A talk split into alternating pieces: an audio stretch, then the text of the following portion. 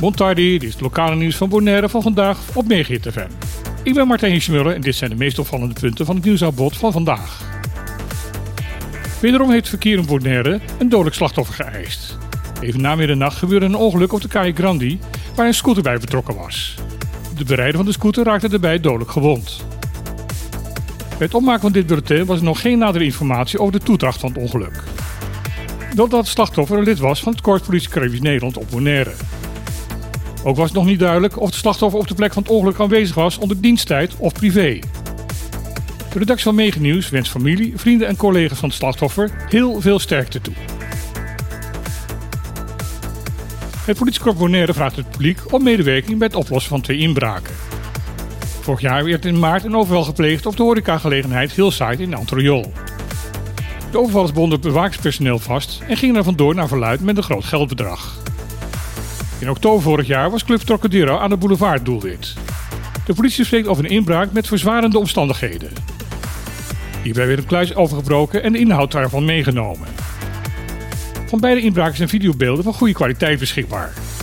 Ondanks dat heeft de politie de daders niet weten te identificeren. Daarom vraagt de KPCN nu aan het publiek om de beelden te bekijken en eventuele informatie over de daders door te geven aan de politie. Dit kan aan de balie van het politiebureau, telefonisch via het nummer 715-8300 of via de anonieme tiplijn 9310. De videobeelden zijn op diverse plekken op sociale media te vinden. De water- en elektriciteitsbedrijven van de eilanden Curaçao, Bonaire en Sint-Eustatius gaan nauw met elkaar samenwerken.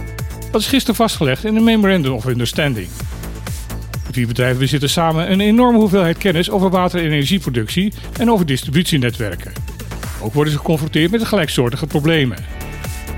Door in projecten samen te werken en kennis te delen, hoopt men de energie- en watervoorzieningen op alle betrokken eilanden verder te verbeteren.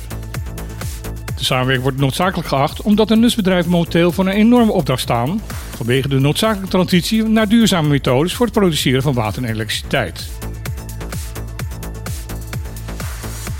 Al eerder melden wij via dit nieuwskanaal dat er problemen zijn in de levering van verschillende medicijnen. Dat is een probleem dat niet veroorzaakt wordt hier op Bonaire. Ook in Nederland is er een groot gebrek aan beschikbare medicijnen. De laatste cijfers zeggen dat er momenteel ruim 1500 geneesmiddelen slecht of geheel niet te verkrijgen zijn. Mensen moeten daar regelmatig dagen of zelfs maanden wachten op hun medicijnen.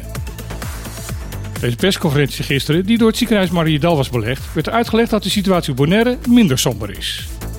Medisch manager Alex Zwengler legde uit dat er wel een schaarste is, maar dat dat nog niet heeft geleid dat patiënten zonder geneesmiddelen zijn komen te zitten. Apotheker Peter Klauwenberg vertelde dat wij onze medicijnen wel uit Nederland moeten halen, maar dat door de andere regelgeving op Bonaire de situatie hier minder nijpend is dan in Europees Nederland. Op de BES-eilanden hebben de apothekers meer mogelijkheden om zelf naar alternatieven te zoeken. Daarnaast zijn de lijntjes naar de huisartsen kort, waardoor er makkelijk overlegd kan worden over vervangende middelen. Zwengler vertelde tijdens de persconferentie verder dat de botica aan de Kaya Corona op termijn zal gaan verdwijnen. Hiervoor in de plaats zal er een nieuw botica gebouwd gaan worden in de wijk Antriol. Dit was weer het lokale nieuws op Megahit FM van vandaag. Ik wens iedereen nog een hele mooie dag en dan graag weer. Tot morgen.